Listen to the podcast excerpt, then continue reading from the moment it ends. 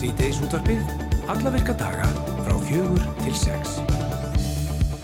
Já, komið sæl og blessuð kæru hlustendur, það er sítiðs útarpið sem heilsar eins og þið heyrið og með ykkur í dag eru Hulda Geistóttur og Kristján Freyr Haldásson og uh, alls konar efni á dasgrá hjá okkur, við ætlum að byrja til dæmis á því að heyra hér af um, já, merkilum velunum hérna rétt á eftir en uh, við ætlum líka að fara austum fyrir fjall og uh, þar er hún Guðrún Bjarnadóttir í Hespuhúsinu. Hún er ekki bara döglega jurtalita garn og taka mútið ferðamönnum. Hún er líka orðin ansi afkasta mikil í spila útgáfu og hennar þriðja spil fugglaspilið er nýjútkomið við ætlum að slá á þráðin austum fyrir fjall uh, eftir fimm fréttinnar og heyra eins í Guðrúnu. Jú, svo kemur hinga til okkar uh, Sigurjón Sigvartsson en heimildamind hans Extinction Emergency hlaut á dögunum verðlun á kvimpundaháttíðinni Montreal Independent Film Festival í Kanada. Myndi fjallalum tilurðu og baráttu umhverfið samtakana Extinction Rebellion sem var til í kjölfar sláandi skýslu um lofslagsbreytingar árið 2018 Fáum Sigurjón hérna heimsótt sem segir okkur aðeins frá myndinu og þessari mikilvægu baráttu samtakana Já, hann verður hérna upp úr klukkan hálf fimm. Svo er það Alli Fannar Bjarkason sem kemur til okkar í einn vikulega lið með með vikunar og hann segist alltaf kenningur að verða rík í dag. Ah, loksins. Ek, ekki missa því. Herri, ég kem ekki ekki á morgun. Hérna. Eh, Eftir það þá mun, munum við forðast um sumarháttíð Ísland Róver sem haldið var núna í byrjun júli í félagsefnun Árbliki á ströndum, nei í Dölunum síðustu helgi, Já. uh, já þar að segja upp af við júlimánar uh, í sérlegu happatrættið hátíðarnar var vitalega landróver jeppið fyrsti vinningur og hrefti Guðmundur Lindal Pálsson nossið. Guðmundur ók heimalífandi af hátíðinni á vinningnum árgerð 1967 á landróver og við ætlum að heyri Guðmundi og hans uh, áhuga á landróver bílum. Já, þessi var ekki úr kassanum eins og sagt er. Nei, Nei, nei, alls ekki. Alls ekki. En við ætlum hins vegar að byrja á því að heyra af tilnefningu samtakana World Cleanup Day til hópeflisverlauna í sjálfbæritni samkeppni saminuðu þjóðana. Og Tómas Knútsson er einn af stopnendum samtakana. Hann er að leið til Rómar til að vera viðstættur verlaunafendinguna og er á línunni hjá okkur til að segja okkur aðeins meira þessu. Góðan daginn, Tómas. Heil og sæl. Uh, útskýrðu þetta aðeins fyrir okkur þessi verlaun. Hva, hvaða verlaun eru þetta? Sko þetta er nú tilkomið vegna þess að þessi samtök sem að ég er einn að stopna aðlum að. Við vorum 13 sem stopnum þessi samtök 2018 og um, þetta gerist þannig að um, við þurfum að vinna eftir sjálfbærni verkefninu sem að saminu þjóðun að setja á lakirnar. Mm. Sustainability Development Goals og um, sóttum um að taka þátt í þessum þessari velunakeppni Já. og í dag þess, þess, við erum í þessu hópeflis flokki, þetta er nokkur flokkar hana Já. og við fengum bara að vita fyrir nokkurum dögun síðan kannski vika, ég manna ekki að við hefum sérst verið tilnæmt til þessara tveggja hópeflis verkefna sem að eiga möguleika á því að vinna þessi velun. Já, og þegar að vera að tala þannig um hópefli, það, það, það er væntalega vegna þess að þið eru með verkefni sem snýst um það að smala fólki til verka og, og, og fá fólk til þess að, að reynsa sitt nærumkörfi. Já, og í fyrra voru þetta sko 160 og eitthvað lönd sem tóku þátt og 20 miljóna manna, skilur, út um allan heim að fara út að týna rösk. Já, þetta er nokkuð magnað.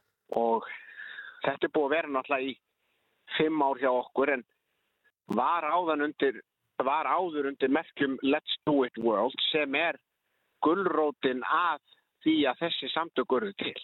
Já, sko við þekkjum auðvitað til vinnu þinnar og samtakana bláa hersin sem að snúast um að reynsa strandlingjuna og, og hafið uh, en þessi World Cleanup Day uh, er það í víðara samengi, það snýst ekki bara um að reynsa strandir eða?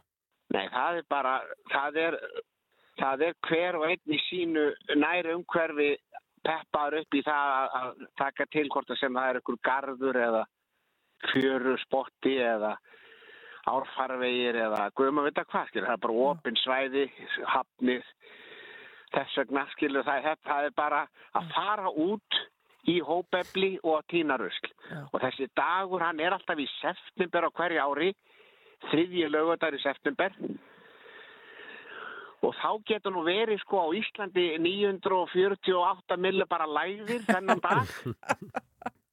Þannig að í staðin þá eins og blái herrin, hann er bara þrýfand allt árið mm, og, og reynir að vera bara með eitthvað eitt verkefni þennan dag eða öðru hverju megin við daginn Mhm. í góðu veðri. Mhm, af því að hóp eflis andin hann fyrir veg allra virðingar eða eitthvað hann dónitt veður. Já, já, það gengur ekki vel að aldrei neitt koma aftur. Nei, einmitt, það er akkurat uh, stór faktor í þessu. Hvenær En- fer verður hann af þetta ekki fram, Tómas? Það er núna, núna um Já, hún fer fram á mánudaginn, það er nú hægt að fylgjast með þessu á einhverju streymi í kringum saminu þjóðarnar Já. og hann verður nú hann sjálfur aðal reytari saminu þjóðarnar, Antonio Guterres. Já.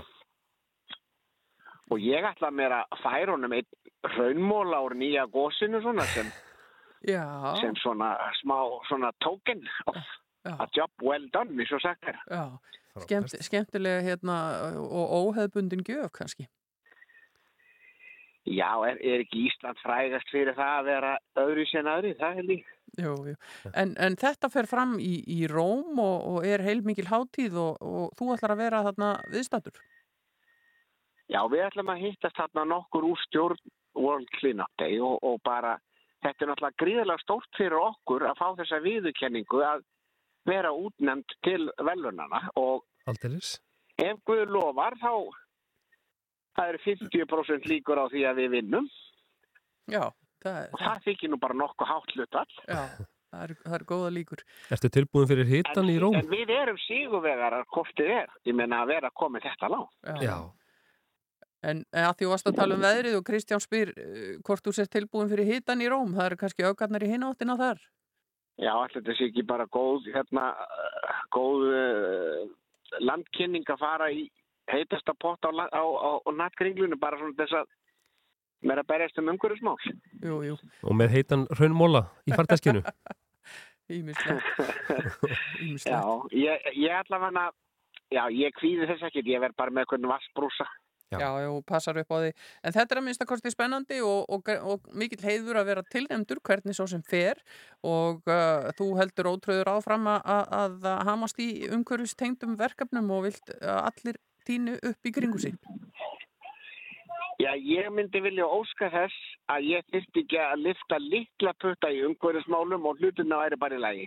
Já, Einmitt. En þann sjálfna sem að það gerist þannig þegar við þurfum öll að, öll að taka okkur saman og, og, og, og leggja sitt að mörgum. Út á það gengur hópefli Já. nákvæmlega, Segðu, segðu. Við En, fylgjumst með ykkur í... þanga, Já, já, þanga til, þá, þá höldum við hópeflun áfram. Já, við segjum bara góða ferð, Tómas Knútsson og uh, gangi ykkur vel með uh, tilnefningu World Cleanup Day og uh, við fylgjumst með og, og fáum fréttir þegar, velinu afhendingu er lokið. Takk hjálpa fyrir að vera á línunni og góða ferð. Já, takk fyrir kjalla. Takk. Já, gaman að þessu, þetta er uh, spennandi. fylgjumst með þessu á mánundaginn. Já, komandi. já, já. Og hann ætlar örgulega að skemmta sér í leiðinni þó það verði vel heitt kannski í Róm og þetta er hljómsveitin Albatross sem kann líka skemmta sér.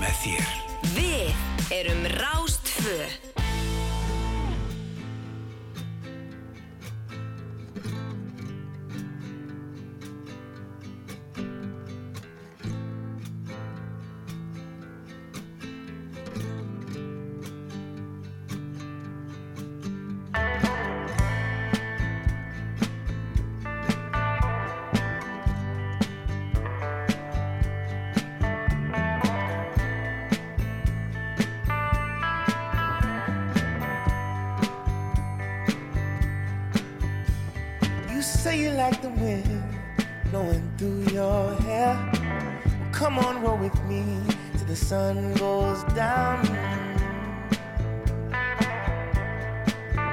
Texas sun. Say you wanna hit the highway while the engine roars. Well, come on, roll with me till the sun goes down. The Texas sun.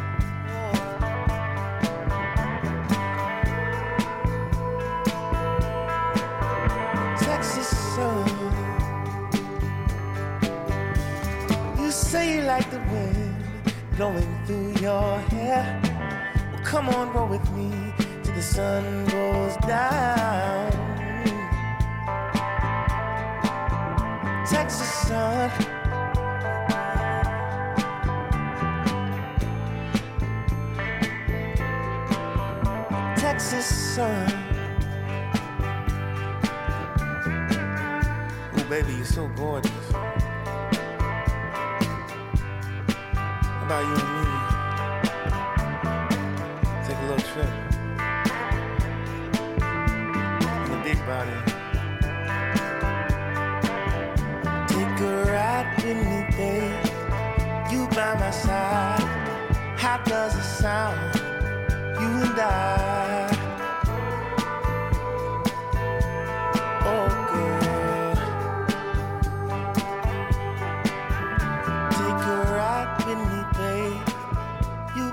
side. How does it sound? You and I. Þarna sungið um sólina í Texas sem að skín skert þessa dagana. Þetta var uh, hljómsdinn Kroang Bin ásamt Leon Bridges, þeim já, ljúfa sólsöngvara. En við ætlum ekki að tala um sólina í Texas, heldur líta aðeins til veðurs hér heima við. Veðurhorfur næsta sólaringin. Jú, það er hægviðri og víða skúrir á morgun, einhverjum síðdeis, en suðaustan kaldi við suðvestu ströndina. Hiti 10-20 stig, svalast á norðanverðum vestfjörðum. Mér finnst þú Ég- gera þetta svo vel, Kristján, að þú er að verða ráðinn í að lesa veðurfrétnar Já, ég, á hérna, rás 1, þú veist, þennan stóru veðurfréttapakkana. já, já, já, ég er alveg með, ég er með áttirnar á hreinu og allt svo leis, kannski bara út af því að ég er utan á landi. En ég var með hérna bara núna uh, í borgarfyrði, koma þaðan bara rétt áðan, hölda, og þar Já. hérna, mikið um, mikið um lúsmi Já, ég man ekki eftir að hafa séð áður svona, svona lúsmi flögrandi kringum mig, ég held að þetta væri valla hægt að sjá þetta en, en, en hérna, En þú sást alveg bara litlar, Já. litlar flugur. já, og ég verð að segja ég fekk smá höfnunatilfinningu því að þær vildu mig ekki, þær, þær nörtuðu ekkert í mig er ég svona leiðilegur held að Nei, það er líktin. það næst því miður ekki til hlustenda en Nei, en, en þetta er svolítið sérstætt að því að þá væntanlega þau sem voru með þér voru byttin. það var nokkur bitarn á ferðinni, kannski ekki mikið það bara hafa svo mikið logg bara hérna í borgarfyrirnum, indislegt en við kvörtum ekkit undan því að, að hérna, vera ekki byttin, Kristján. Nei, nei, ég, þetta er nú bara svona ég, eitthvað lítil dýmer bara Já, já, Hmm. ég ekki vera með. En það segir hérna við förum aðeins dýbra í þetta að það sé útlýtt fyrir rólegt veður næstu daga og, og það er eins og segir þessi hæga breytilega átt í dag og dálítil væta á stökustaf. Hvað er það? Þessi stökustaður, hann er hæðilegni staður og svo byrta til á Norðurlandi og hitin er þetta 8-17 stig og smalast fyrir austan, það er nú allt í lagi, þau eru að kæla sig, þau eru að kæla sig eftir uh, góða sumarbyrjun. Já, og svo morgun að þá er áfram hægur vindur en suðaustan kaldi við suðvestuströndina og skúrir við og dreif og hittin svipaður í dag. En þá fyrir að hlína fyrir austan þannig að þetta er nú, skiptist já já, þetta lítur ekki til út. Ég, og ef maður skoðar hérna lögat á sunnudag þá segir hérna svona hæbreytilega átt og skýja með köflum og stöku skúrir hita á bílinu 9-17 steg þetta er svona aðeins breytilegt hér það er er þarna einhvað fyrir alla. Já, einmitt, eins og við viljum hafa það. Já, En hérna rétt á eftir fáum við til okkar um, kvikmyndaframleðandan Sigurjón Sigvartsson Mhm. sem ætlar að segja okkur frá uh, heimildamind sinni sem að uh, já, fekk nýverið velun. Hlutu velun á kvimindaháttíðinni Montreal Independent Film Festival. Alltaf hún sé kallum MIF eins og okkar riff? Það gæti alveg verið en það verður spennandi að heyri í honum því að hún, þessi mynd fjallar um já, mál málana í okkar samtíma sem eru auðvitað lofslagsváin. Stundum er erfitt að fara og leita. og finna réttan stað. Því þú átt engan sama stað. Viltur ert og aðleik þú ráfar Ertu að koma eða ertu að fara? Þú veist það ekki strax Því þú átt enga nána að. Fastur ert og kemst ekki af stað. Og þú heldur að þú sért ekki verður í flest. Og skuggar hafa fallir svifin á. Því lífið gaf þér spil sem þú vannst og ekki úr og núna erst að súpa seiðið af Því. Reynd að standa frekar upp. Þessa hóla getur upp því ef þú lítur yfir hæðina þá mun þú sjá að auðvelt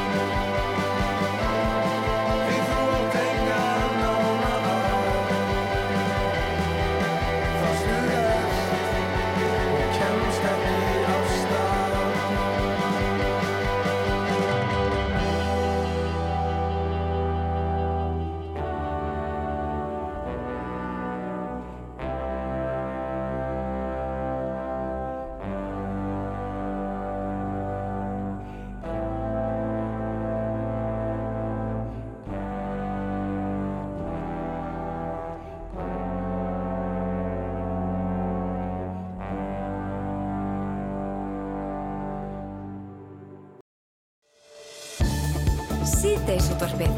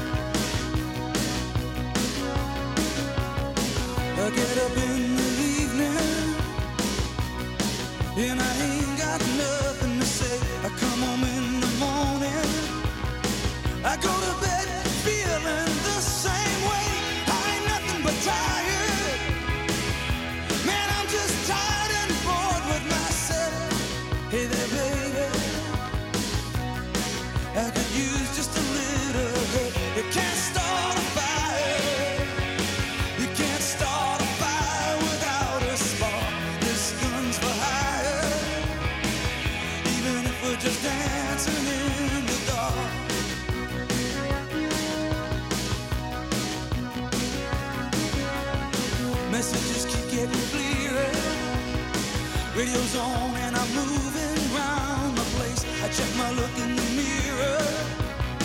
Wanna change my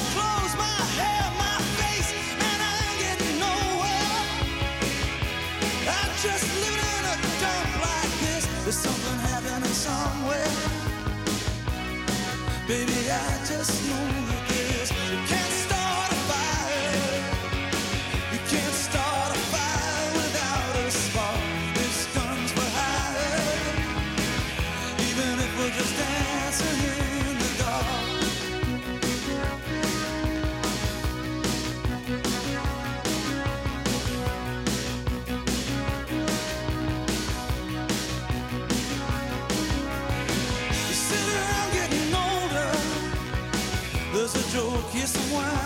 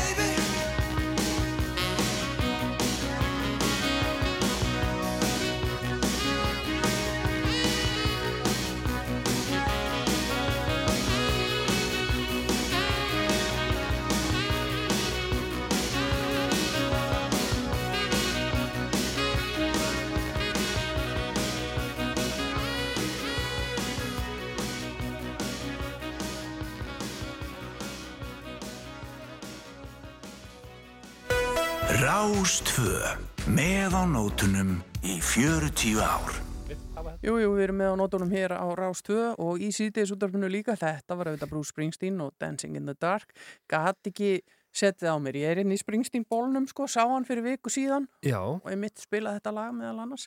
Þannig að ég varða hendi, hendi í þetta. við höfum En að tala aðeins meira með Springsteen auðvitað, en, en Springsteen tengist kannski næstu, næstu umræðefni hjá okkur en, en hann er komið til Lítillega. Já, lítilega. Því hann er komið til okkar, hann sýr hún sig. Gott svona, mynd hans, Extinction Emergency, hlaut á dögunum, verðlun á kvimtaháttíðinni Montreal Independent Film Festival í Kanada, í Montreal. Myndin fjallar um tilurð og baróttu umhverju samtökana Extinction Rebellion sem var til í kjölfar sláandi skýslu um lofslagsbreytingar árið 2018. Uh, Sigur velkomin Takk. og takk fyrir að koma og til hamingjum með velunin. Uh, Já, það er ekki alveg. Er þetta ekki rétt hjá okkur huldu? Við vorum að hugsa þetta hvort þetta væri ekki bara reynilega fyrsta myndi sem að þú leikstyrir og búin að koma víða við en þetta er fyrsta myndi sem að þú leikstyrir Já, já, þetta er fyrsta myndi sem ég leikst þér. Já, náttúrulega búin að framleiða ótalmargar og, Já. og verið í þessum geira í ára en, en þetta er málefni sem að eh, svona stendur því að nær, þú, þú tekur þetta svona inn á hjartaða lofslagsmálin. Já, já, ég veit ekki hvort ég mei, hef gert meir en hinn almenni borgari, kilur eins og einn maður segir í myndinni, og sagt hvað ég gerir þú eitthvað, já, ég, ég endur vinn, Já, Mhm. þannig að hérna, það er kannski skref en, en kannski ástæðan til ég leikstyrði myndinni er svo að það, þegar ég fór að staða með hana sem var nú byrjun lók 2019 sem var ári eftir að þessi samtök voru stopnuð, Já. mhm, þá hafði bara engin áhuga á þessu að vera með. Ég náttúrulega var í Los Angeles og þetta var ekki einu sem komið til Ameríku í rauninni aðeins byrjað, já, New York. Þannig að ég svo bara með, ok, þá verður maður bara að gera þetta sjálfur. stundum er það þannig að það er að taka skrefin sjálfur. En erum við, erum við ekki að taka þetta nú alvarlega bara yfir höfuð, þetta mál málana sem er lofslagsváin? Já, sko, ég eins og einn kunningi minn sem horfði á myndin sagði, já, nú er bara náttúran sjálf farin að gera uppreist Já. eins og við höfum séð undarfarna vikur. Mhm. Þannig ég held að sé alveg klart að við höfum ekki tekið þetta nógu alvarlega. Mm. Aftur á móti þegar myndin kom út hjá mér og maður síndi riffi fyrra sem var auðvitað mjög skemmtilegt en Mhm, þá voru við náttúrulega til dæla nýkomin út úr COVID. Já, Fólk var kannski ekki alveg að hugsa þá um lofslagsmála, hann er meira bara að hugsa um að lifa af mhm, aðra vá. já, Þannig að, að kannski er þessi tímasetning sko betri, hvað það snertir að nú er kannski fólk náttúran er búin að neyða okkur og það er ekki bara hér, það er í norður Ameríku, þetta er út um allt. mhm, Það fjall hita með í Arizona held ég einu sinni aftur í gær og ég er að fara á Madrid með hátíðina að Madrid er kveimindaháttíðina með myndina, Myndina, þar fjall hita, hita með við erum að fara til Suður Afríku og þar er að falla metin þannig að ég held að þetta sé svona að, að vekja fólk upp aftur já, Mhm. já, En þú-.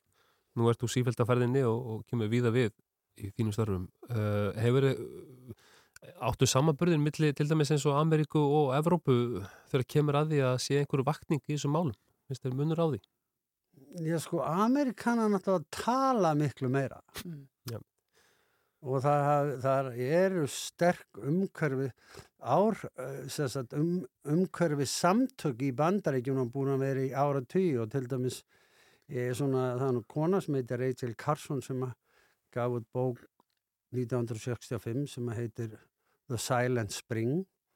Og hann er að segja hún er nú kannski upphafsmanneskja allara náttúru vernda reyfinga. Það er mikið af svona, auðvitað hefur komið að vestan, Amerikanar hafa alltaf verið, hvort sem er í hippunum eða hverju, þá eru þeir, já þeir eru progressífir. Mhm, En aftur á móti, og Amerikanar svona sögulega séð leggja meira af eigin uh, tekjum í allstíðs góðgjara starfsemi eða uh, starfsemi sem það sem þeir vilja styðja af því að þeir eru þetta kannski minna um ríkis umsjá þannig að ég myndi segja að, að það er Amerikanar hafa kert þannig vagn miklu meira Mhm. þangað til að þessi samtök fór á stað já, Getur þú sagt okkur aðeins sem frá samtökunum? Þetta, þú voru stopnuð í Breitlandi eða ekki? Jú, það voru stofnið í Brellandi og það voru einlega svona þrýr stofnur, stofnendur aðla en ein kona sem heiti Gail,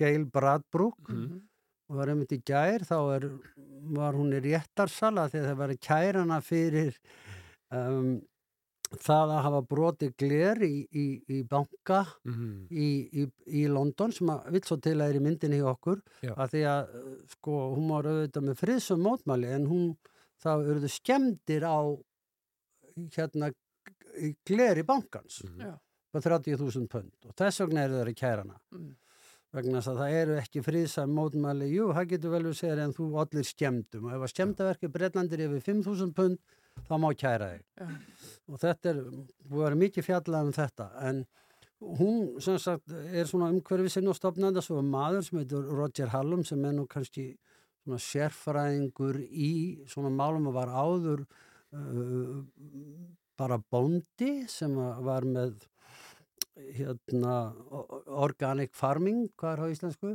Lífræna ræktun. Já. Þakka að kjalla og hérna þannig að sko um, þau gerðu þetta svo fengu þau nokkra vísindamenn með sér og þau skrifuðu undir frækt skjál sem síðan var byrt í Guardian og þá fór þetta af stað Já.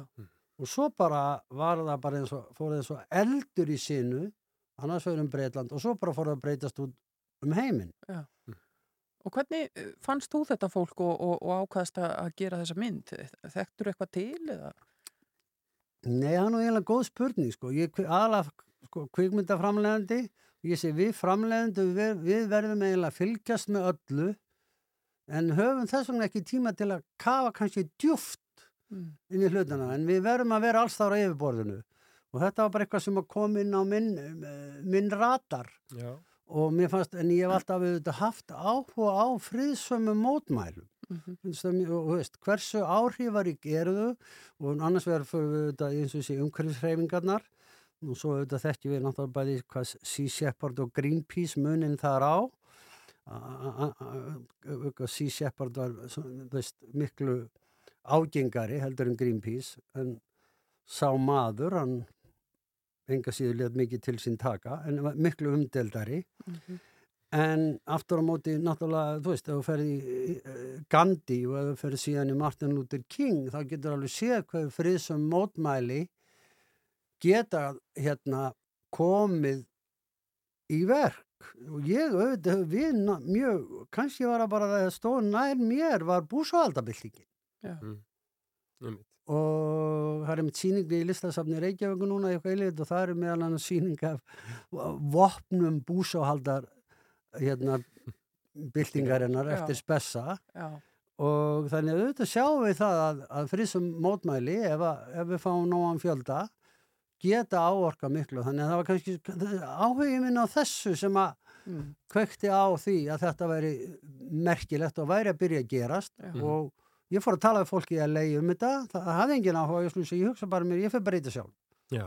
þetta er áhugaverð Og finnst þér, Sigurjón, eh, eins og kannski eh, er það þín tilfinninga að, að, sé eins konar hólur hljómur frá stjórnvöldum í þessum málefnum og þetta verði kannski bara að koma frá okkur fólkinu sjálfu, einhvern veginn, að það verði þessi strömmkvör sem að þurfa að vera, að það þurfi bara að koma frá fólkinu sjálfu. Okkur. stjórnkerfin eru svo þung í vöf Mm. en það er til dæmis eitt af því sem að, að, að Extinction Rebellion kom í verk og það er akkurat í myndinni er það að þeir fengu hérna, umhverfismála ráð þeirra breyta Mm. til, til að samningaborðinu og þau byggu til annars vegar var breyta fyrsta þjóði heimi sem listi því yfir að hlínun jarðar væri sem sagt hættumál sem er það að taka á stjórnvöld og svo var samþýtt að setjast að þetta Citizens Assembly sem ég held að sé við höfum kallað eða ekki þjóðaráð og við vilja Hérna- setja saman hér Stjórnlagaþing. Já, Nei, allir það er ekki. það ekki? Það Jú. er sem nærtakast. Já. en sko hérna stóra fundi inn í, inn í, inn í lögatarsvöll Já. og þau hafa komið þessu tvenni gegn þannig að sko en auðvitað sko, stjórnkerfið er þungt í vög Mhm. þannig að ég held að svona frumkvæði verði eiginlega að koma frá fólkinu Einmitt.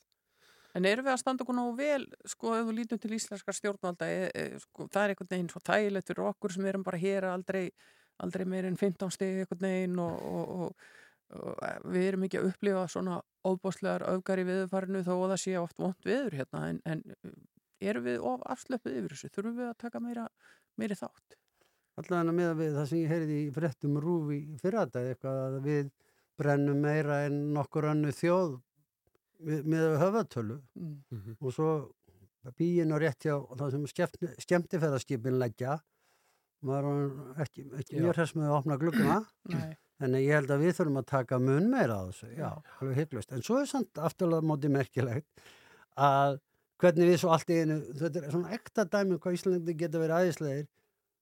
Sko raf bílavæðingin, hún er bara bylting hér, bara fyrir utan Noreg. Mm þá bara held ég Ísland svo þjóði heimi sem hefur bara algjörlega gripið þetta. Mm. Og ég held að það tengist því ekki að við sem endilega vilja spara þar. Við erum ekki þekkt fyrir að vera sparsum þá er við bara þjóð eða með, með svona með, kannski mjög mikla verð tilfinningu.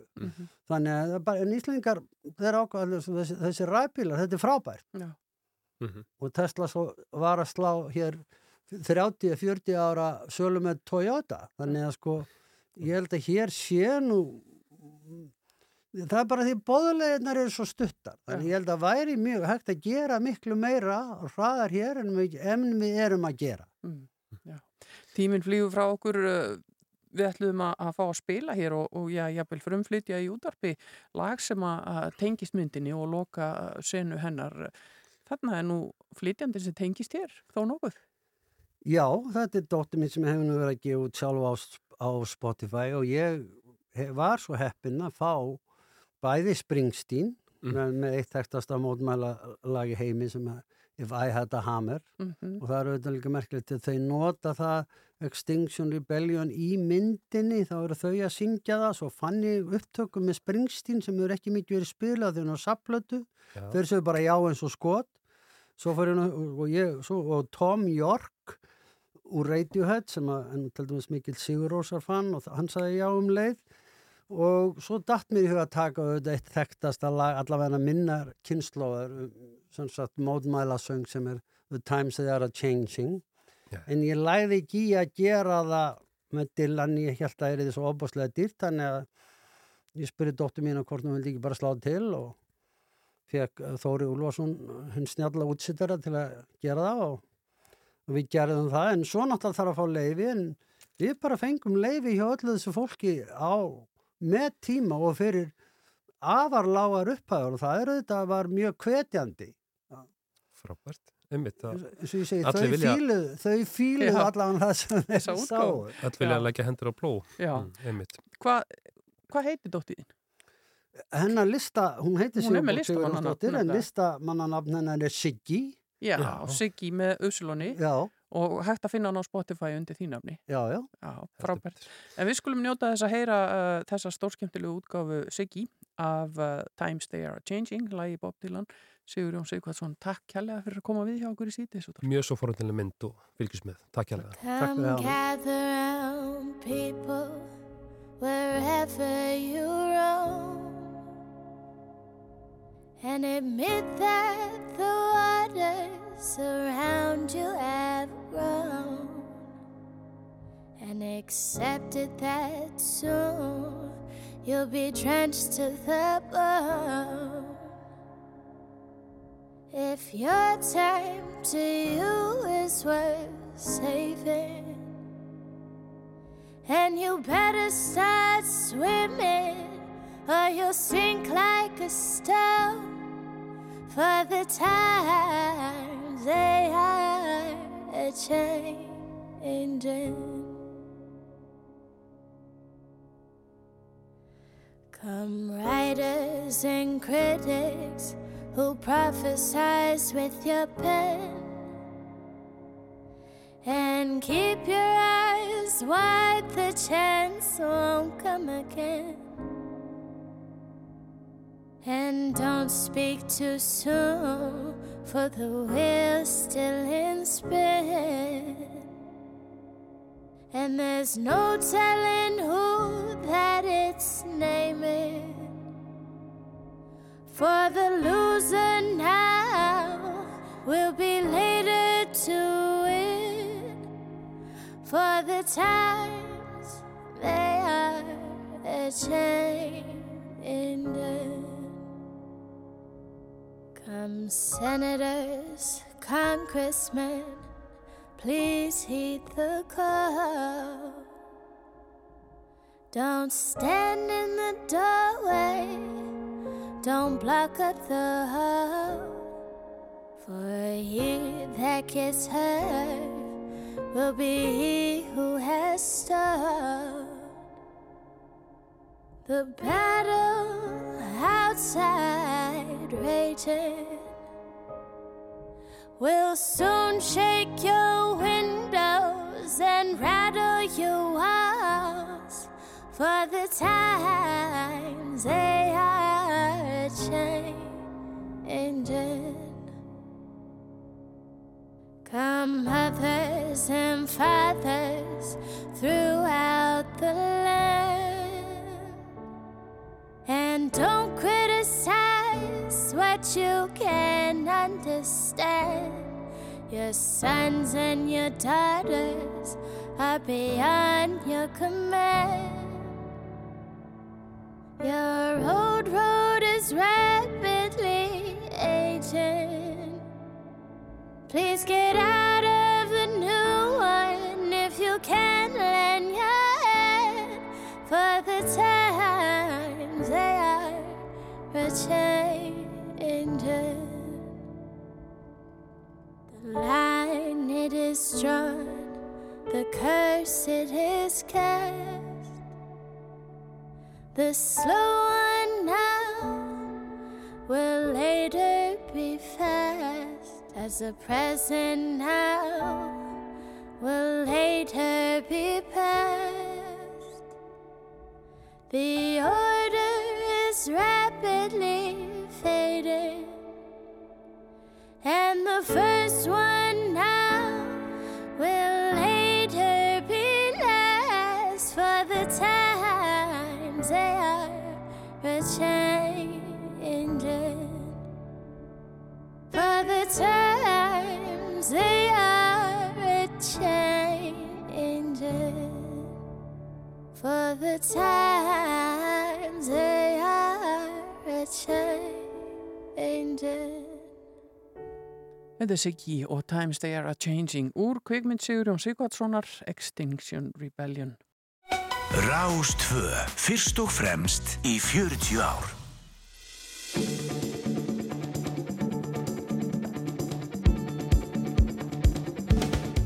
Vendum okkur í fréttir hér eftir augnablik.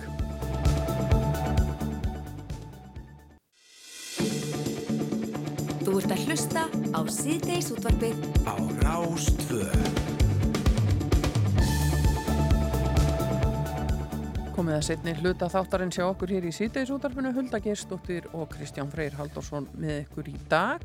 Nú við ætlum að fá til okkar Alla Fannar Bjarkason í hinn vikulega lið með með vikunar og hann segist að það kenna okkur að verða rík. Já, Þannig að það má enginn missa því hér á eftir. ég er bara bæði spenntur og kvíðin. Já. Mér? Svo er það uh, já, Landróðers uh, velun.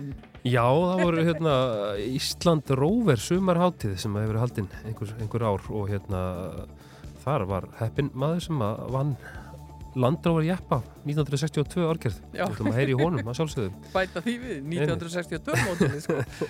En við ætlum fyrst að að heyra í henni Guðrunu Bjarnadóttur í Hespuhúsinu. Hún er ekki bara duglega að jurtalita garn og taka móti ferðamönnum, hún er líka orðin ansi afkasta mikil í spila útgáfu og hennar þriðja spil, fugglaspilið, er uh, útkomið og uh, Guðrún er á línunni hjá okkur fyrir Östan Fjall. Góðan daginn. Já, góðan daginn. Já, það, þú slærði ekkert af í spila útgáfunni, þú varst búin að gefa út uh, flóruspil og Blómaspilið og og- blómaspil Einmitt. og nú er það föglanir. Þetta hefur væntalega, þú ert væntalega að fylgja eftir þarna einhverjum áhuga og, og, og eftirspurn.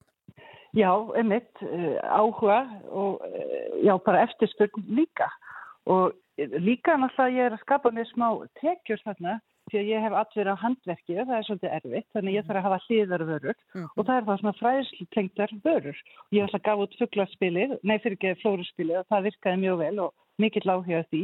En svo fann ég að það var svolítið meiri áhuga á fugglunum, það var meiri spenningu fyrir þeim. Þeir eru náttúrulega háværir, það heyri stíðum og þeir reyfa sig. Já, þannig að það er kannski svona eh, meiri áhuga á að reyna að, að fylgjast með þeim. En þú ert, eins og þú segir, þetta er líka svo litill fróðuleikur. Þú, þú ert þetta með spil, þetta eru tvennskona spil. Kannski segðu okkur aðeins frá því fyrst. Já, svona stærri típan, uh, það er til að spila veiðmann með annarkvist á íslenskum blómum eða fugglum og þá fylgir fræðsla með. Það er þá fjögur uh, spil í hverri tegund, uh, fugglategund og uh, þjóðlegur fróðleikur um fugglinn Mm. og svo er minni típan og það er það samstæðspil. Það er þá tvö spil í hverri tegund og það er þá bara nafnið á uh, fugglinum á, á spilinu og þá á ennsku, pólsku, íslensku og latínu. Og til, til að spila samstæðspil þá fyrir byrjandur eða, eða hérna, krakka. Þannig að við, ef við förum í svona spil við Kristján hérna eftir, þá, þá erum við með, og ég segi hérna, áttu flórgóða, eitthvað svo leiðis. Það er eins og veiðum. Já. Já. Og það ekki- bara ve- veitu, Já, einmitt, Mhm. veitu, án þess að meiða, bara veiða fallega fuglana, sko. já, akkurat, akkurat, já. Og þetta er fyrir uh, fólk á öllum aldri bara að því að það nú kannski bara er ekki þín upplifun Guðrún að, að við kannski þekkjum ekki nógu vel fuglana sem erum mitt í náttúrunni einhvern veginn við allavega að segja Jú. fyrir mitt leiti, ég ætla ekki að fara að alhafa hérna fyrir ykkur huldu eða aðra hlustendur Sko ég hef meiri áhyggjur af, af þekkingunum sko varandi plönturnar. Eh, Það Mm. vantar svolítið eh, að við þekkjum plönturnar. Mm. Áhugin á fugglunum er svolítið meiri fyrir en, eh, en það vantar upp á þekkinguna. Það er svo nöðsynlegt að við höldum við þessari þekkingu að þekkja plönturnar og fugglana. Mm. Þetta bara hjálpar okkur að fylgjast með umhverfinu hvað er að gerast og, og já, bara lesa umhverfið og náttúruna í kringum okkur og við búum svo mörg núna bara í borgum og við erum ekkert nálægt náttúrunni þannig að þetta er bara mjög nöðsynlegur fróðleikur að mínum mati. Já, nú sko þú ert að- að jurta lita garn og, og notar jurtir úr, úr náttúrunni til þess uh, og þekki vantarlega jurtirnar og, og plönturnar vel þess vegna. Getur þú nefnt dæmi um einhverjar íslenskar jurtir sem að hægt er að nota í slíkt sem að gefa frá sér lit? Sko, íslenska náttúra er frekar takmörku hvað þetta varðar. Þannig að við höfum alltaf haft aðstofa utan og fluttin tegundir. En, en ég nota mikið litunarskóf fyrir brúnan lit. Það er mjög þjóðlegt að nota hana. Og svo nota ég mikið lúpínuna. Hún er algjörlega frábær. Ég nota bæði ró, rótina fyrir draflitan lit og uh, laufin fyrir, uh, fyrir gullt. Allt sem er grænt gefur gullt og þetta er náttúrulega tegund sem að taka í óhófi. Það er öllum saman að að taka of mikið. Já. Já. svo er það mjadjörstinn og, og, byrkivíði, njóli, alls konar tegundir. Já, en þú rekur Hespuhúsið sem er þarna ekkit langt frá Selfossi og uh, ert að taka á móti gestum, ekki bara Íslendingum sem er áhuga samir um vinnuna þína, heldur líka erlendu ferðamönnum. Hefur þetta allt tekið vel við sér núna eftir COVID? Já, heldur betur. Þetta er fyrst opin vinnustofa sem gestur geta mitt kíkt í pottana og hræst um gamla handverkið. Og e, það, það er náttúrulega trafikkin, nú eru góðu tímatnir og ég er að fá mikið af amerískum hópum. Það er að byrja hver einasti dagur hjá mér á amerískum hóp. Og ég er að fá prjónahópa og já, bara fólk sem hefur áhuga á náttúrunni. Og það er opið hérna frá 9 til 5 alla daga nema sunnudaga í sumar. Það er stöðu trafík, svona góð trafík. Já, þannig að þú ert ekki að fara í sumafrí alveg strax. Ó nei, ég fef í janúar, februar. Já, það er kannski bara gáfulegasti tíminn til þess að vera í hýði, sko. Nákvæmlega. kannski fer að spila smá veiðmann með, með fuglaspilinu með, með hérna akkurat. Þá reyndar janúar, februar, þá spila skrifa ég næstu spil. já, já, Já, já, þú ert hvergi hætt, við En- hefum það. Þú talar um hérna, gesti frá öðrum löndum fuglaspilið litla, er það ekki á það er ekki bara á íslensku Já, það er á e, íslensku, ensku, pólsku og latínu. Latínu, svo við getum þá googlað tegundina og Mhm. einhverju öðru tungumáli. Pólsku, það eru svo margir pólverjar á Íslandi Já. og svo náttúrulega enskan fyrir, fyrir ferðamennina. Og reyndar er stóra fuglaspili líka til á ensku, The Bird Card Game. Það er líka til í flóruspilunum. Já, Og það rennur ljúftan í túristana, þeir taka þetta sem vinjagripi. já. En þess að ég heldur bara nefna ljó, ljósmyndirnar í spilinu eftir Jóhann Óla Hilmarsson, uh, fuglafræk. Ég er ekki sko sérfræðingur í fuglum, viltur gróður er svona mín sérgrein, þannig ég hef fengið digga aðstóð hjá Jóhann Óla Já. við að gera þetta spil. Það var þjóðlegi fróðleikurinn er síðan mín heimild að vinna. Já, þú hefur ekki leið út í, út í móa að ná fuglamyndum. Nei, það er ekki mín Nó að að gera. En, en, er glæsilega myndir frá Jóhanni Óla við þekkjum það kannski Nákvæmlega. einmitt, hann hefur hann hefur hérna verið með myndir í bókum held ég, ég sé allavega nafni hans koma við að já, já, já. Já, já, hann, En Guðrún, þau sem að vilja uh, ná sér í spil, uh, þú ert auðvitað að selja þetta hjá þér í Hespuhúsinu, en eru spilin, uh, er þetta nálgast þetta víðar? Já, spilin er náttúrulega hægt að sjá sölustæði á hespa.is og uh, svo er að kaupa uh, spilir á netinu og sjálfsögða á vindustofunni minni um að gera kíkja við og kíkja kringu sig. Mm. Svo er þetta bara víða forlægið pennin af fjórir Gullaselir, já, já. gestastofur þjóðgarðana, Þetta og hellu seðavirkun og, víðar og víðar sko. Já, já, ok, þetta er alveg, það verður auðvöld að finna þetta uh, nýja fugglaspilið frá Guðrunu Bjarnadóttur í Hespuhúsinu og tilvalið að renna þar við í, í, í sumafrí spíltúrnum og kíkja hon í pottana og, og, og kynna sér uh, gamalt og, og gott handverk. Guðrún, takk fyrir að vera á línunni hjá okkur og gangið er vel með öll þín verkefni. Takk fyrir. Takk, takk. Bless, bless. Rástfö. Fyrst og fremst Við erum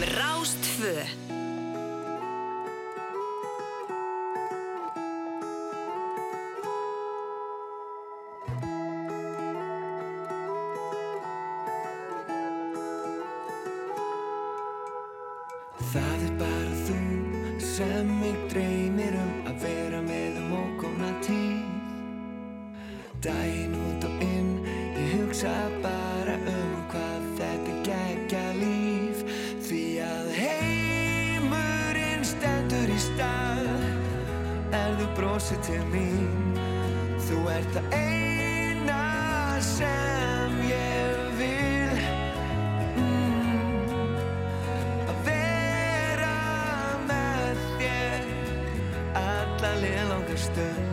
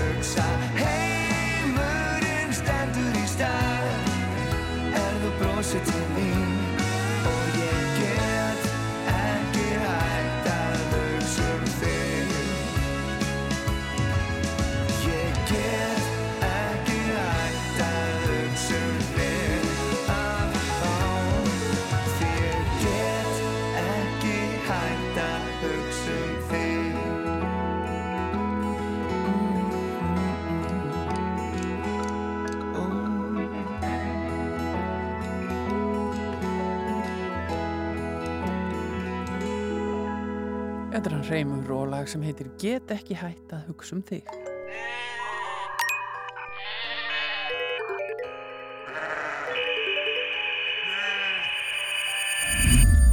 Já, þið viti hvað þetta þýðir. Það komið að hér vikulugum lið sem er, já, meme vikunar eða, uh, ég má ekki segja mím, er það ekki útlenska? En bara með með vikunar. Er Við erum að tala um hjarðhegðun og þarna það á mjög vel við að kalla þetta bara með með. Já, og Alli Fannar Bjarkason komin til okkar til að fara yfir þetta. Já, sko, í dag langar mér nefnilega, já, eiginlega bara að kenna ykkur að vera rík. Ég hef stundum gert Á, það. endilega. Já, þetta er svo merkilegt hvað, hvað gerist eh, á internetinu, hvað, hvað hittir og hvað ekki. Maður, þetta, er, þetta er stundum óskiljanlegt. Það náðu glósubókina, býta. Já, mælum með að hlustendur taki núna niður þess að sko 27. júni þá byrtist á TikTok myndband frá aðgangi sem kalla sig eh, já, Ra- Ra- Ratsja Potes uh, Ratsja Potes, ég veit ekki alveg hvernig þetta er búið fram Já. sem gerði ekkert nema sína, það var myndband sem síndi glerflöskur og glerílát rúlla niður svona marmara stiga. Ding, ding, ding Á brotna neðst. og bara br- og brotnaði stundum í efsta þrepi það koma Ah. alls konar flöskur.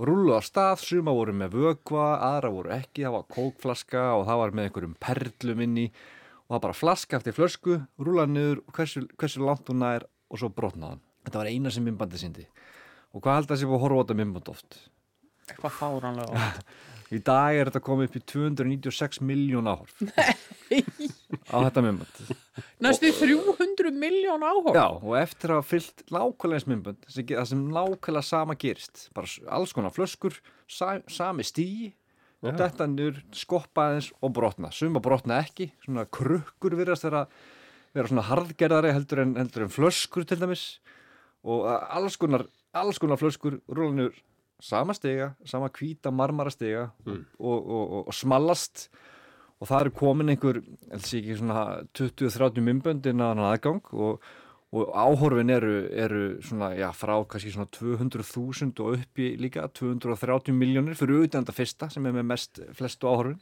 Já.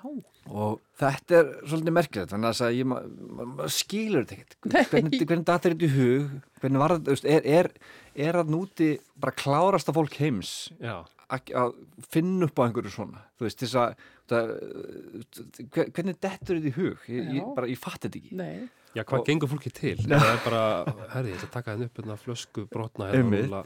Þú Hvað veist, og var þetta óvart Já. Þú veist, bjó- vissu þetta er þið eitthvað þú veist, eða, eða var þetta bara algjörlega óvart ég skil það ekki heldur og, og það sem er eh, flokkur þau sem, sem er setjað þetta í er þessi svo kallu ASMR myndbönd. Já, sem við höfum talað um. Já. Það eru þessi svona, þessi svona skín örfuna já, einmitt, það sem að þú já, klór einmitt. Finnur klórar Eitthvað í, svona- í eitthvað svona- skeggrótinni eða eitthvað. yfirleitt hljóð, einmitt, eitthvað sem við höfum talað um þetta áður en í, í morgundarfum, í, í, í síðdeis útarfinu, það sést þarna ASMR stendur fyrir sérst Autonomous Sensory Meridian Response sem að ég hef ekki treyst mig til, að- til að þýða þetta hugtak en það næri við þá tilfinningu sem að fólk fær þegar að horfir á ákveðna tegund af svona örvandum innböndum og eða tekur þátt í aðtöfnum, þú veist, það er þetta klóra eitthvað, þetta er bara eitthvað svona þetta er svona smá gæsahúð Ég kannast við að hafa fylgst með kóreskri konu borða, borða ímsa Já, rétti já. með tilhengandi hljóðum, Einmitt. bóki frá kóru. Einmitt, og, og matrislu myndbönd til dæmis á TikTok eru svona farin að spilja þessar tilfinningar þegar verið að skera hráefnið Mm. og jafnvel henda því onni, onni pottun og pönnunar þetta allt einhvern veginn gefur, svona, gefur fólki einhver viðbröð Mm. og er að virka rosa vel á, á fólk og, hana, og þetta þessar flöskur eiga einhvern veginn að stíla þetta ég, veit ég fann þetta ekki, þetta á svona á tilfinning að hríslast niður sko, og svona hrygginn einhvern veginn og verður svolítið háður þessu en það sem þetta gerði samt var að þegar ég sá þetta fyrst þá horfði ég til enda Já. ég bara, þessar flöskur, dung, dung, dung ég horfði á hverju einstu flösku Þú verður að sjá hvort hún brotnar og hvernig já, þetta endar já, já, saman. svo bara, ok, kókflaska, ok, sjáum hvað gerist ok, hún, sagt, já, smalar svona ok, Mm. svona næsta og næsta og næsta og þetta er þetta er trikkið til að ná uh, svona ofur vinsældum á, á samfélagsmiðlum það er að fá fólk til að horfi í gegn Já, Mm. Og þá verður þú ríkur. já, s- svo komum við að því eftir sko, Já, já, því já, að sko Já, það er ekkert skilagjald á þessum. E- Þetta er sóun. Þetta er, svo, þetta er mjög óvengur hegðun en, en það er mitt sko, ef þú ætlar að ná svona óvinsældum þá þarftu fyrst og fremst að vinna í þessu að, að reyna að halda fólki við efnið Mm. og miðlarnir, þeir veluna það vegna þess að, vegna þess að þeir vilja að fólk bara sé fast við síman og horfa á efni á sínum miðli þess vegna ef að myndbandi er, er til dæmis nú til aðeins á TikTok ef myndbandi er lengri en mínútu langt Mm.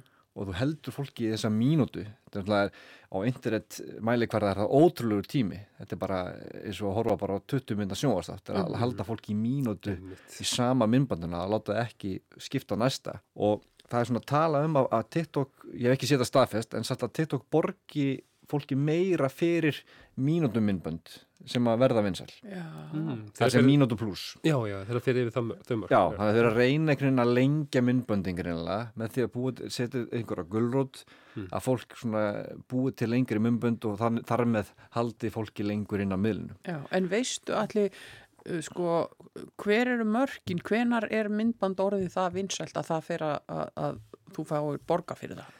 Sko, ég veit ekki nákvæmlega, það er ekki alveg, það er ekki bynd mæli hverjan á hvort þú var að borga. Þú ert Nei. að taka þátt í svona, þú ert að vera sko inn í þessu prógrami að rauninu bara öll myndböndin eru undir, sama hvað Já. gerist.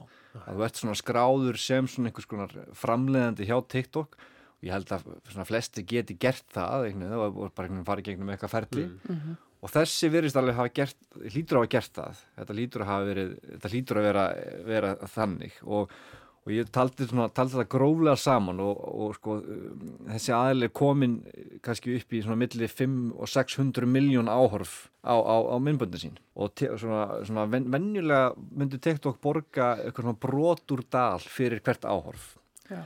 og þá er þessi aðlega kannski að þjena kannski nokkur hundruð þúsund krónur á hvert myndband, svona að jafnaði Já. Og er komið með 17 þannig að þetta er svona að fara að skipta miljónum mm Mhm. hagnaðari, en svo er verið að slúru það núna Þess, það er eiginlega bara að tala um það á TikTok, að TikTok sé að greiða meira fyrir þessi myndbönd sem að eru eða lengri og allt upp í sko dal á áhorf Já. sem ég trú, svona, ég, það, það nú ég tók ég með svona ögnafsalti, það er allan að talsvöld meira eh, sem þið borga fyrir myndböndin sem eru svona löng og halda fólki í- í sjávar, þannig að þá er þessi aðili sem að datt í huga að rúlla niður ílátnónum orðin moldríkur. Já, en þessi, já, þetta er náttúrulega magnað, en, en þessi skinn örfandi hérna, myndböndin sem við tala um, að þessi borga meira fyrir þau, er það eitthvað svona Uh, nei, ég held að sé ekki, ekki sá flokkur endur það sko en, en, en það er, samt- er svona tækni fyrir þá sem að, sem að upplifa þessa skinjun Mm. að það er, er komin sko tækni sem að heldur manni við efnið Ég heyri alveg að Kristján er mjög heitur fyrir þessu skínörfandi Já. efni hann. Já, ég bara, ég ætla ekki að fara með flöskunar núna næst hérna í, í sorpu sko, ég ætla bara að fara að henda þeim niður tröpunar heima hjá mér. Ertu með marmarastiga? Nei, reyndar ekki. Ef ég kannski sleppi það ríks á okkur sinnum, verður ekki svolítið svona hart. þú, þú getur líka svo að kannski hægt að prófa að kom, fara bara á steinsti og kannski er það eitthvað Mm. sem fólk vil sjá það fólk vil líka alltaf sjá eitthvað nýtt Mm. að prófa öðru sér stiga jafnvel, hvort að, hvort að eins og með mjúkan tréstiga sko, að þá, Mm. þá náttúrulega gerist kannski ekki neitt Mm. allt fer bara hilt niður Já. en þetta er allan, að, allan líka þessi, þessi ASMR, þetta- þetta dæmi að það að þeir sem að upplifa hennan hroll og þessar tilfinningar, þeir eigur ekki erfiðara með að, að skipta þér á næsta mymband það er svolítið svona læsir manni inn í þegar maður upplifir það já, Já. og þá horf, horfur við til enda Mhm. og, og þessi virðist hafa hitt á, hitt á einhverja taug bókstaflega Já. með, með þessum, þessum myndböndum sem eru að rúla niður og það eru fleiri byrjar að gera þetta Já. sjálfsög að að rúla niður, niður öðna, í látnum og, og, og, og, sjá hvernig það er brotna og það er alls konar svona litrikar perlur sem að smallast út um allt og, maður náttúrulega samgleðst auðvitað fólki sem að, sem að hérna hægnast af einhverju svona skemmtilegum hugmyndum. En það er samt svo fyndið eitthvað líka að vera þannig byrju, stóra efnaða maður, já, veist ekki hver þetta er? Hann byrjaði að rúla niður flöskum að það í já, einmitt, einmitt. En ég meina við... og framfyrir í röð hérna á kaffibarnum og Já, svona, já, þetta, veist ekki hvað hver þetta er er En, sem en, en ég menna, er ekki einhver hérna, moldrík börn sem að hafa orðið ríkaði að opna dótapakka á YouTube og eitthvað? Jú, jú, jú, Þa, einmitt. það er svo YouTube er, er svolítið annað. YouTube borgar meira heldur en aðri miðlar. Já, út af því að þar snýst allt um að hana, þessa lengd líka. Mm. já, einmitt þetta, þú veist að opna eitthvað þú verður að sjá hvað er í pakkanum. Þetta er alltaf, að- í rauninu algjör snild. Þannig að fólk horfir og horfir og horfir að með það að opna og, og, og vill, vill fá að sjá hvað er í pakkanum. Og börn, þú veist, það er verið að opna eitthvað dót, er alveg bara læsast inn í þessu. Og við komum sem fattaði, fattaði þetta er eflust, já Í góðum málum. í góðum málum í dag. Heldur ég get orðið milli á því að gera ASMR myndbönd af ketti að mala? Getur prófað. Og hann bara opna TikTok bara ASMR cat og hann að, þú veist, og hann að reyna einhvern veginn að þú verður að- verður að finna ASMR fólkið sko Já, þá verður að nota réttu hann að halstökin, kassamerkin og, nefna þetta nefna Ég sé alveg fyrir mér að númið minn gæti orðið stjarnar sko. Það geti Já. verið hann að mala, það geti Mm. verið þegar ég er að kembunum, hljóðið þegar kampurinn fyrir gegnum feldin, geti verið Já. þegar hann og Pétur vinnur hans og næsta húsi er að, að hérna, skopla í sig kattamannum. Já, einmitt, allt svona Já, Hulda, ekki reyna að láta hann rúla niður stiga. Það er ekki gátt það er kannski ekki, rúla, rúla kettinu í stiga, en lendir alltaf á löpunum sko. Munar, þetta er áhugavert þetta er einmitt. mjög áhugavert. já, já, hérna. Þetta er það og nú er ég bara búin að kenna ykkur, nú að þið bara farið á stað Mhm. og fundið næsta stiga. Já, en bara, eh, ég vil bara brína fyrir fólki út að maður er alltaf að benda á ykkur svona furðulega hegðun á þessum miðlum að- að að taki nú til eftir ykkur Já, ok. Þetta er, þetta er mjög óþr, mikil óþrifna sem lísta þessu. Ég er búin að horfa á mörg. Já. Ég er búin að liggja við núna myndböndum og dótið þetta niður stig og það er alls konar vögvi og, og Það er alveg típist að þetta væri fólk sem þarf ekki að þrýfa heimi á sig sjálft. Núna. Já. En hver væri- 500 miljón áhörnum síðar. Hver var svona sér íslenska hérna, útgáfan af þessu? Eða, Það er- mjölkubrúsi eða eitthvað sem að vörla niður og mjölkin hellist út um allt? Eða á eftir Nei, núna þegar við kveðjum alla að, að við förum innan fram að stíði hérna fyrir utan hljóðverið og ég rúla þér niður út. og ég verð með malt að drekka malt Í gleri. Já, mjög þjóðlegt. Já, frábært, gaman að forvitnast alltaf eitthvað um uh, já, kima internetsins, Alli Fannar Bjarkason takk fyrir að kíkja til okkar í með, með vikunar. Takk. Takk, takk. Allt það helsta. Síðdeis útvarpið Frá fjögur til sex á Rástvö.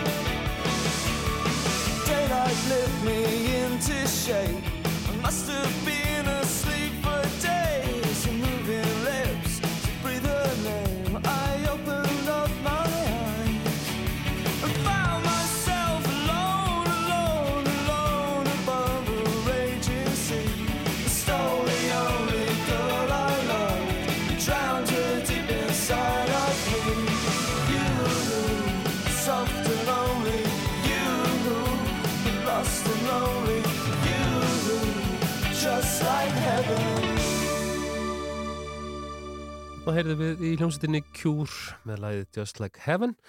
Uh, á dögunum var haldinn sumarháttíð Ísland Rover uh, í félagsheimilinu Árbleiki í dörunum og uh, þar var happadrætti hátíðarinnar uh, og í vinning var Landrover jeppi.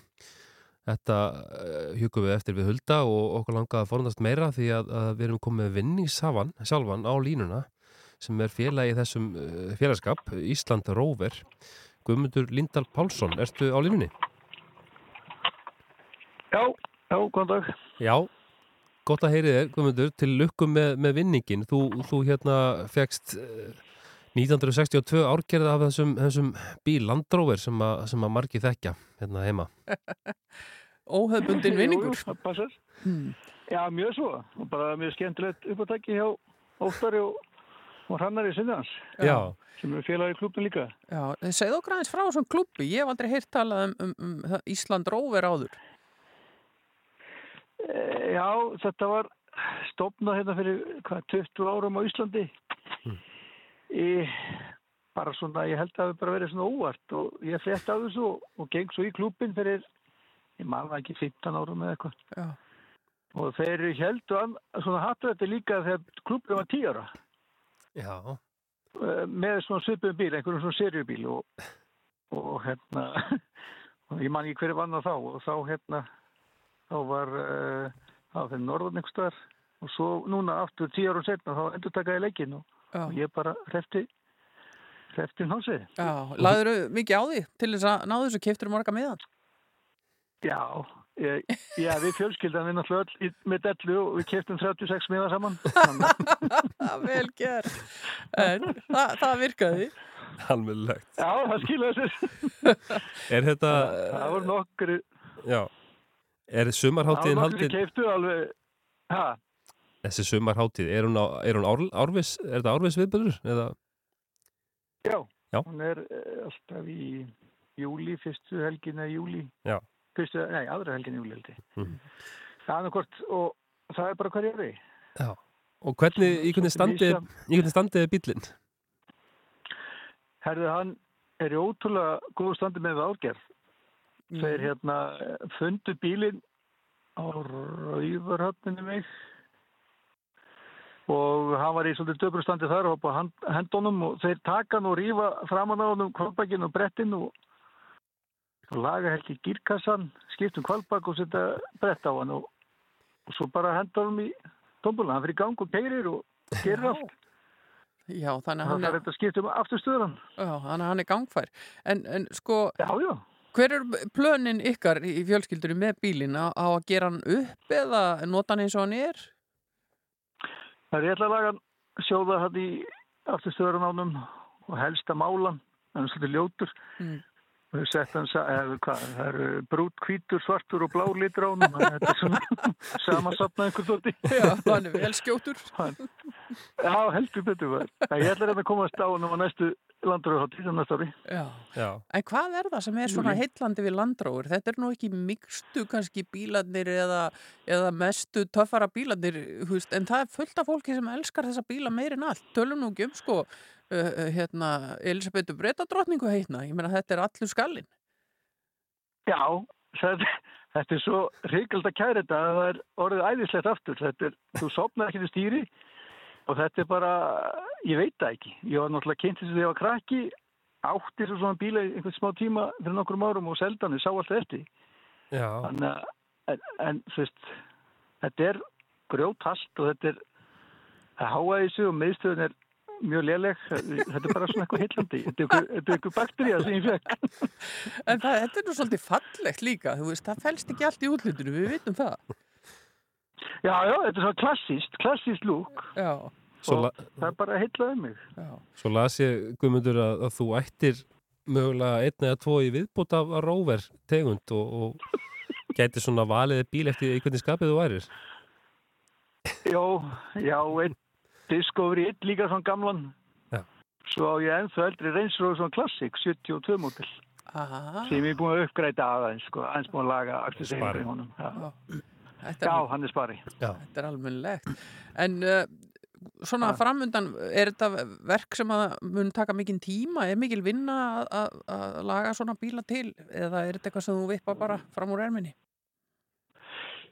Þetta, sko, óttar og hrannar hann á Akureyri sem eru mikið, miklu andrumenn, þeir voru búin að taka það versta úr bílum, það er kvalbakurinn. Hvað er er kvalbakur? Ég verð að stoppa þetta. Ég veit ekki eins og hvað það er. Það er eldvarnarskjöldurinn á milli þín og mótors, það sem bak við stýrið. Já. Og það er reykar svolítið í þessum gömlu bílum og það er búin að skipta um þetta sem er Já. leiðilegst að vinna. Já. Já. Þannig að þú stór grætur. Já, alveg, ég grætti rosalega, en mér finnst ég að grætt svakalega, sko. Þannig að þetta er alveg frábært. Já. Ég sá, sá mynda bílnum og, og þú veist að lýsa honum hérna áðan, hefði, það eru bláir partar og hvítir og brúnn og svartu. Ertu búin að ákveða litin ef þú ætlar að mála hann, það er að segja? Þetta er nú mörgur að Það velja. var annarkvort þessi, já, það var orginal blái eða orginal hérna, hvað hérna, bronsgrætt. Það var sama að voru úrstu fljóðum hjá breytunum í Já, stríðinu. Það er nú svona kannski sá litur sem að Já, þó að þessi blá er alveg algengur líka en ég man mjög vel eftir þessum, þessum græna tóni sem þú ert að lýsa sem er svona, hann er svona meira eins og herjeppi bara Já, nákvæmlega, þetta var það er ógeðslega, en mér finnst það flott, svona töfflitur. Já. En þú, Það er bara ég. þú gast kyrt á bílnum heim af, af, af Ísland Róver hátíðin, sumarhátíðinu núna á dögunum og, og stefn, stefnir að því að keira þennan bíl á, á næstu hátíð á ári og þá á grænum eða, eða bláum. Já, á númurum. Það er höfðunni spotta þegar við fórum heim síðast. það er víst betra, það er víst betra en, en Já. Það, skal líka tekið fram að, við rákum augun í þetta í bændablaðinu. Þar er nánari uh, umfjöllun um þetta og mynd af þér og bílnum og, og uh, gaman að skoða fyrir þau sem er áhuga sem glænýtt bændablað komið út, sumarblað og, og, og við vísum þangað. Uh, Guðmundur Lindahl Pálsson, uh, virkilega gaman að heyri í þér og við segjum bara til hamingi með bílinn og, og hlökkum til að sjá þig á vegum úti, uh, ný sprötaðan og, og flottan. Takk fyrir það. Já, takk fyrir Takk fyrir spjallið. spjallið. Bless, bless. Já, takk, takk, blessu þess. Já, og það er auðvitað við hæfi að fara beint í þetta lag hérna. Ég fer á landráver frá Mývatni á Kópasker. Það er Helgi Björns.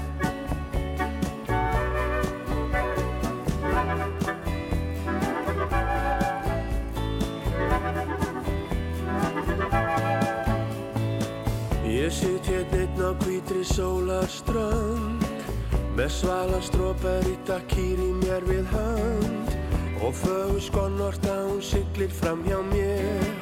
Hún er á leiðinni á leið til að sá íra. Ég leiði eldánum að dáleiða mig. Og síðan dorma ég við miðjarðarnir. Í gegnum auklokkin ég greini bara liti Nú blikka ljós er þetta bensinstöðn á lög Ég fer á landrófur frá Mývatni á Kópaskir Þó minn hugur sé í nættulest til Marrakes Inn í eði merkur nóttina Þó ég sé hér á grímstöðum Ég sit einn á nýri bensinstöð Og flúa ljósinn flögt öll í tonna trukkur spýta restur fram hjá mér Og drullan leggur niður bílrúðuna mína. Þá kvarlar hugurinn til Marokko Og hvað hún hét er hún dillidó 717 kallar bólugrafin kokkur. Ætli hann sé núna búinn að kleima okkur. Ég fer á landrófið frá Mývatni á Kópaskir Þó minn hugur sé í nættulest til Marrakes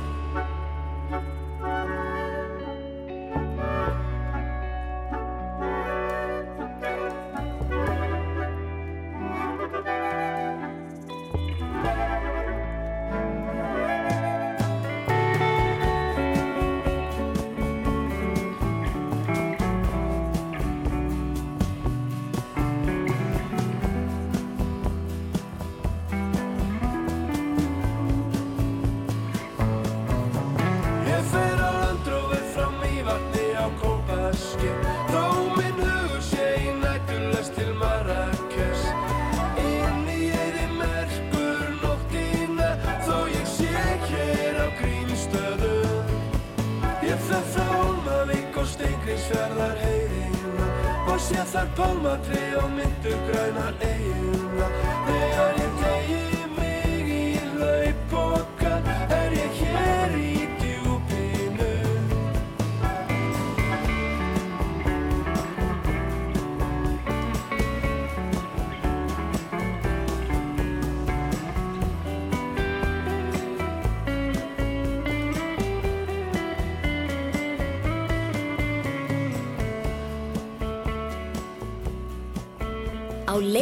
heim. Síðdeisútvarpið. Frá fjögur til sex á Rás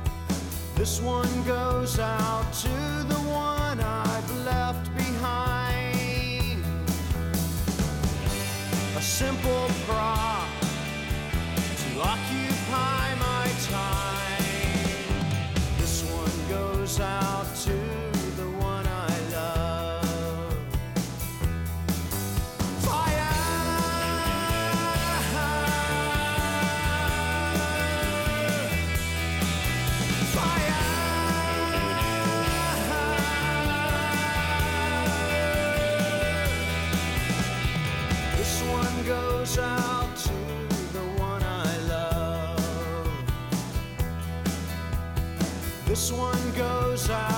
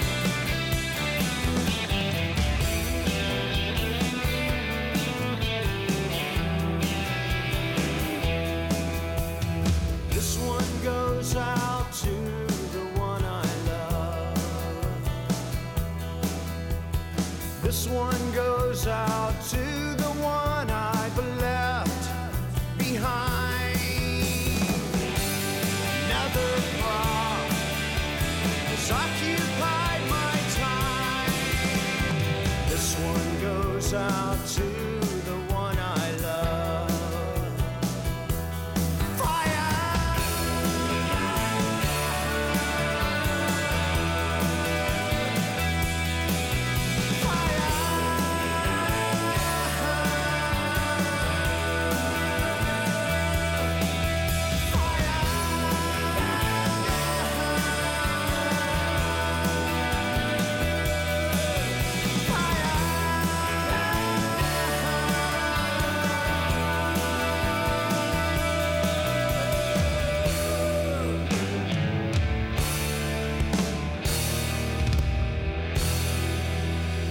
Þetta er við nú sameiginlegt Kristján Freyr að elska þessa sveit, bandarísku sveitina R.E.M. eða REM eins og við Íslendingar köllum hana gerna. Heldur betur.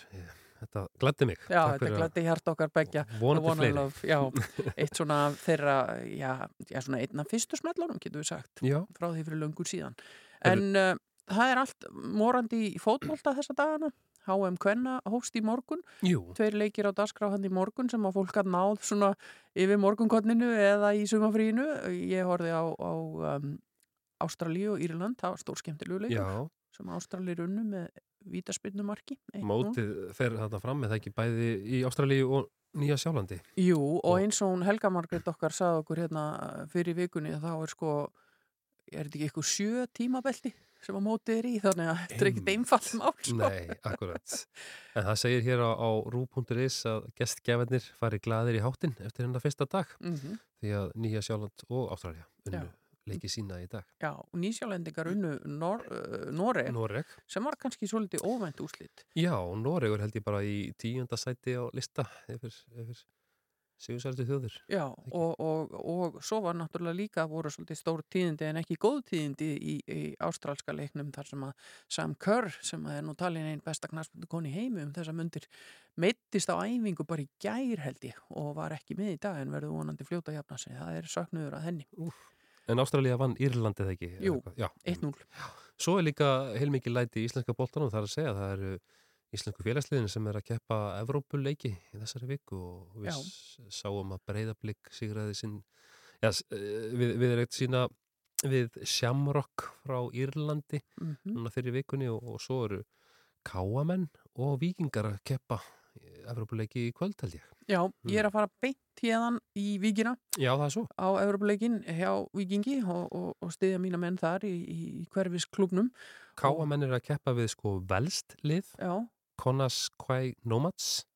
Þetta svo- er nú ekki, ekki kannski erfiðasta velska nafn sem við höfum heyrt. Þau geta orðið hans í flókin. Ég held að þessi framburður hafa ekki verið góður hjá mér, en hérna, Láttu það slæta. það hljómaði kannski og velska. Mm. En uh, svo er vikingur að keppa við Ríka á Lettlandi. Já, töpuðu ytra Já. en uh, ætla sér stóra hluti í kvöld og, og vilja heimavelli vinna. hamingjunar. Á heimavelli hamingjunar, kalli minn. Þar heyrist nú gjarnan læði sem við ætlum að spila hér næst, smá pepp fyrir Evropuleikina, við höldum auðvitað með öllum íslensku liðunum og, og vonum að, að þeim gangi sér best og uh, við ekki bara, erum við ekki bara kveðjana líka bara, klukkan að nálgast? Jú, jú, við getum alveg gert það. Við svona, höfum svona pláss fyrir svona tölu viðbóti. Við setjum eitthvað eitthva skemmtilegt í gang. Já, ég, það lá, mér lág ekki á sko. Ég Nei, að allt Ert í þú að bara fara klukk. Nei. Við skulum allavega að heyra, hérna heyra í, í Jeff. Wu og Barfly.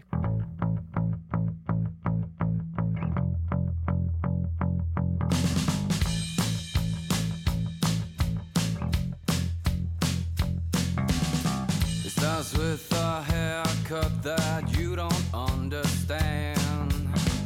All dressed up, looking so sharp, just knowing you're the man. With a walk to the beat and your moves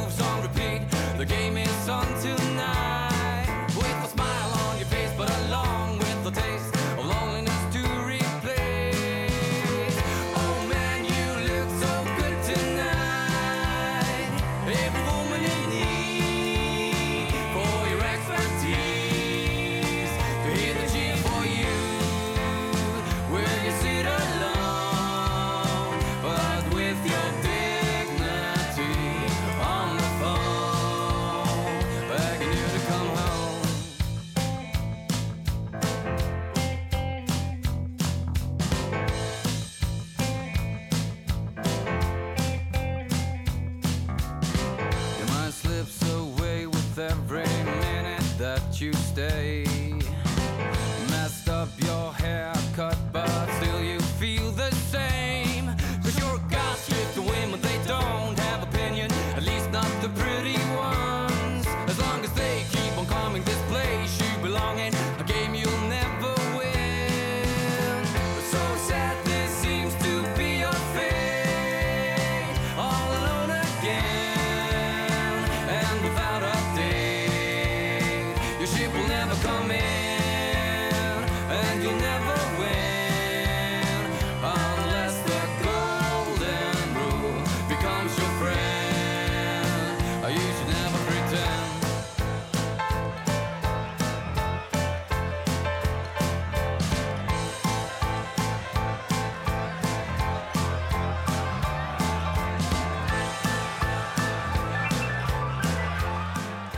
Þá er komið að lokum hjá okkur í síðdeis útarfunni í dag. Uh, búið að vera gaman, við erum búin að koma víða við. Við heyrðum af uh, já, nýri, uh, tildulega nýri verðluna mynd Sigurjón Sigvardssonar sem að heitir Extinction Emergency. Emergency og fjallar um Extinction Rebellion hópin sem að berst Rétt. friðsamlega fyrir lofslagsmálum. Já, akkurat. Þetta var forðulega spjall.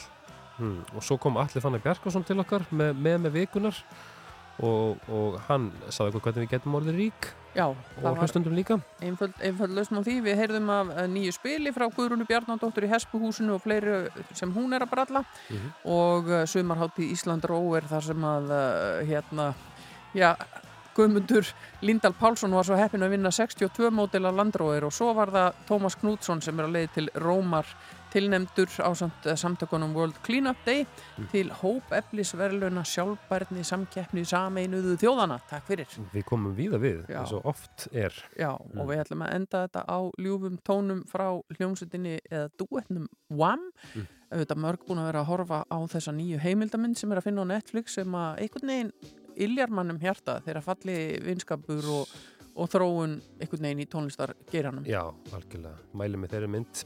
En við þökkum kjalla fyrir okkur. Takk fyrir að vera með okkur í sítisútrafinu í dag á Róstöðu. Já